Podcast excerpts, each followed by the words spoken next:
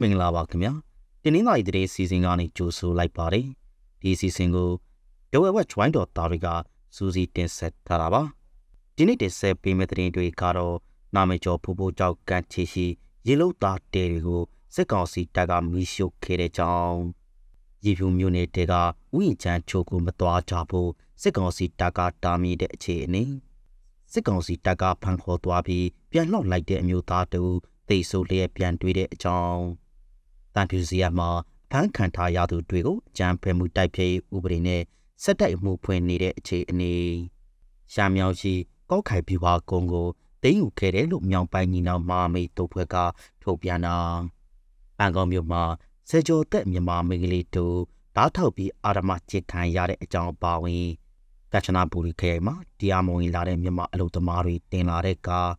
လမ်းမေးတက်တိုက်ကိုဝင်တိုက်လို့ အလို့သမားတွေတန်ရာရှာသွားတာစားတဲ့သတင်းတွေကိုနားဆင်ရမှာပါ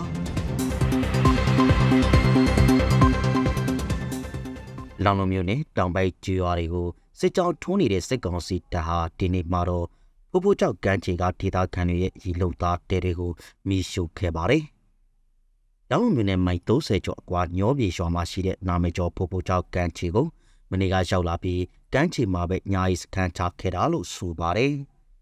အခုလိုစစ်ကြောင်းဝင်လာတာကြောင့်ကမ်းခြေမှာနေထိုင်သူတွေပြင်အနီးနားရှိဒေသခံတွေလည်းထွက်ပြေးတေရှောင်နေရတယ်လို့ဆိုပါတယ်။ပြီးခဲ့တဲ့ဆယ်လအလောက်ကလည်းစစ်ကောင်စီတန်းတဲ့ပြူစောထီတွေကရောပြေရွာနဲ့အောက်ကျော်ရွာကနေတရားကျော်ကိုမီးရှို့ခဲ့ပူပါတယ်။အာနာမသိခင်ကညောပြေရွာရှိဖိုးဖိုးကြောက်ကမ်းခြေမှာခီးသွွားလုပ်ငန်းအကြီးကျယ်လုပ်ဖို့စီစဉ်ထားတာဖြစ်ပြီးဒေသခံတွေကအဲ့ဒီကမ်းခြေပေါ်မှာစားသောက်ဆိုင်တဲတွေဖွင့်လှစ်ထားကြတာပါ။ ရေဖြူမြုံနဲ့ဇင်ပါရွာဝတ်ချေရှိဥယျာဉ်ချလုပ်ငန်းတွေကိုဇန်နဝါရီလ14ရက်နေ့အထိအလုပ်သွားမလုပ်ကြဖို့စစ်ကောင်စီကကန့်သတ်တာမြင်ထားပါတယ်။နေမီရှင်နေရင်နဲ့လက်နက်ကြီးစမ်းသပ်ပစ်ခတ်မှာဖြစ်လို့သွာလာခွင့်ကန့်သတ်ထားတဲ့ဆိုပြီးစစ်ကောင်စီတပ်ကပြောဆိုထားတာပါ။အခုလိုကန့်သတ်တာကစာထုတ်ပြန်သတိပေးတာမျိုးမဟုတ်ပဲဥယျာဉ်ချတဲ့သွာလာနေတဲ့ဒေသခံတွေကိုနှုံနဲ့ပြောဆိုသတိပေးနေတာလို့ဆိုပါတယ်။ဇန်နဝါရီလ2ရက်နေ့ကကလေးအောင်မျိုးတောက်ရှာရွာအခြေဆိုင် စစ်ကောင်စီခမရ400ကိုတန်ရင်ဒရုန်းနဲ့ပုံချခံရပြီးနောက်အခုလိုကန်တာလာတာပါ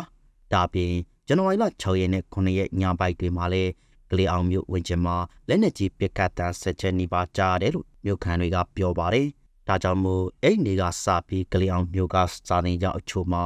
ကျောင်းသားအများစုကျောင်းမတက်ကြတော့ဘူးလို့ဆိုပါတယ်စစ်ကောင်စီတပ်ကလောင်းလုံမျိုးနဲ့တောင်ပိုက်ကိုစစ်ကြောင်းထိုးချေဖန်ခေါ်သွားပြီးနောက် ပြန်လော့လိုက်တဲ့အမျိုးသားတို့ကိုမနေ့ကသေဆိုလျက်ပြန်တွေ့ခဲ့ပါတယ်။လေတော့ကန်ရွာသားအသက်26နှစ်အရွယ်ကိုကြီးငယ်ကိုဒီဇင်ဘာလ28ရက်နေ့က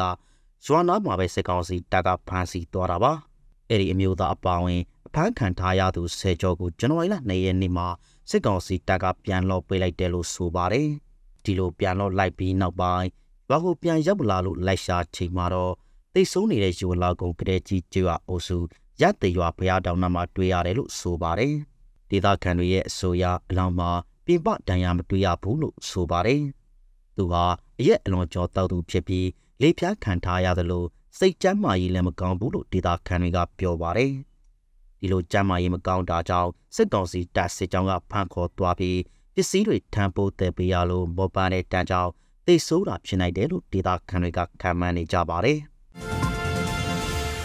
မော်ဘီနဲ့တန်ပြူစီယာမြို့မှာအဖမ်းခံထားရသူတွေကိုကြမ်းပယ်မှုတိုက်ဖျက်ဥပဒေနဲ့စစ်ကောင်စီကစစ်တိုက်မှုပွင့်နေပါတယ်။ပြီးခဲ့တဲ့နှစ်နိုဝင်ဘာလကအမျိုးသားတအူလက်နက်နဲ့အတူဖမ်းဆီးခံရပြီးနောက် PDF နဲ့ဆက်ဆက်တဲ့ဆိုပြီးမြို့နယ်ထွေအိုရုပ်ကဒူဦးစီမှုဦးအောင်ကိုကိုနဲ့ရုပ်ကန်စီပွားရေးလုပ်ငန်းရှင်50တက်နယ်ကိုစစ်ကောင်စီတပ်ကဖမ်းဆီးခဲ့တာပါ။အဖမ်းခံရသူတွေထဲကဒူဦးစီမှုဦးအောင်ကိုကိုအပါအဝင်စီပွားရေးလုပ်ငန်းရှင်10ဦးထက်မနည်းကို ထောင်ဒဏ်တစ်သက်အထိချမှတ်နိုင်တဲ့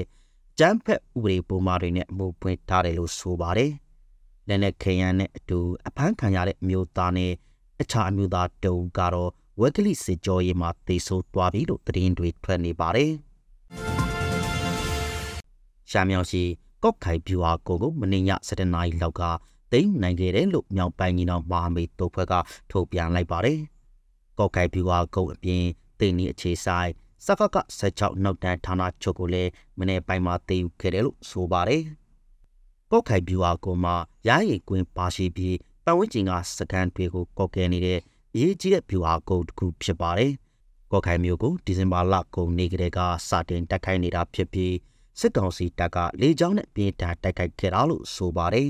။စစ်ကောင်စီတပ်ကလေရင်နဲ့ကိုးကြီးလာရောက်တိုက်ခိုက်ခဲ့လို့ဘိုးကြီးကြောင်တကြောင်တိလရှင်တကြောင်နဲ့ လူနေအိနှလုံးပျက်စီးခဲ့တယ်လို့ဆိုပါတယ်။နမ်ဆန်နန်ကန်မန်တိုနမ်တိုမိုင်းလုံနဲ့မိုင်းကုန်းမြို့ကိုတောင်းတက်မတော်ကတည်ယူထားတာပါ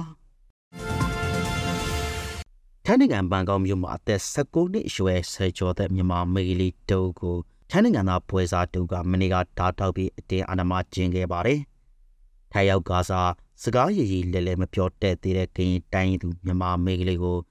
ထိုင်းနိုင်ငံသားပွဲစားကအလှရှာပေးမယ်လို့ဆိုပြီးတဲကိုခံကိုခေါ်သွားခဲ့တာလို့ဆိုပါတယ်။တဲကိုခံရောက်ချိန်မှာတော့အခန်းတဲကိုအတင်းဆွဲသွင်းဓာတ်နဲ့ထောက်ပြီးထိုးထစ်ကံကြောက်ပြီးမှအာရမကျင့်ခဲ့တာလို့ဆိုပါတယ်။လက်ရှိမှာတော့အဲဒီကိစ္စကိုရဲစခန်းမှာအမှုဖွင့်ထားပြီးအာရမကျင့်ခဲ့တဲ့ပွဲစားရဲ့အချက်အလဲတွေကိုရရှိထားလို့မြန်ဆိုဖက်စီနိုင်ရေးလိုဆောင်နေတယ်လို့ဆိုပါတယ်။ထိုင်းမြန်မာနယ်စပ်ကချနာဘူရီခရိုင်စံခရာဘူရီဒေသမှာ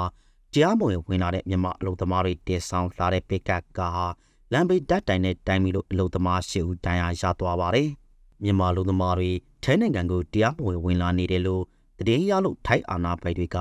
ဇန်နဝါရီလ9ရက်နေ့ကစံခရာပူရီဒေတာမှာစစ်ဆေးခိတ်ချပြီးစစ်ဆေးနေခဲ့တယ်လို့ထိုင်းသတင်းတွေကဆိုပါတယ်။ဒီအချိန်မှာအဲ့ဒီပက်ကကားကစစ်ဆေးခိတ်ရောက်မှအတားစီတွေကိုတိုက်ပြီးမုံပြီးသွားတယ်လို့ဆိုပါတယ်။အာဏာပိုင်တွေကလိုက်လံဖမ်းဆီးချိန်မှာ ပက်ကကားကအရှိလွန်လမ်းချော်ပြီးဓာတ်တိုက်ကိုဝင်တိုက်ခဲ့တာလို့ဆိုပါတယ်။ကားပေါ်မှာအမျိုးသမီး9ဦးအပါအဝင်စုစုပေါင်းလူ30လိုက်ပါလာတာလို့ထိုင်းသတင်းတွေကဆိုပါတယ်။သူတို့အားလုံးဟာရခိုင်ပြည်နယ်ကဖြစ်ပြီးမလေးရှားနိုင်ငံကိုတွားဖို့ပြာတိုစုလမ်းကြောင်းကတဆင့်ဝင်လာတာဖြစ်တယ်လို့ဆိုပါတယ်။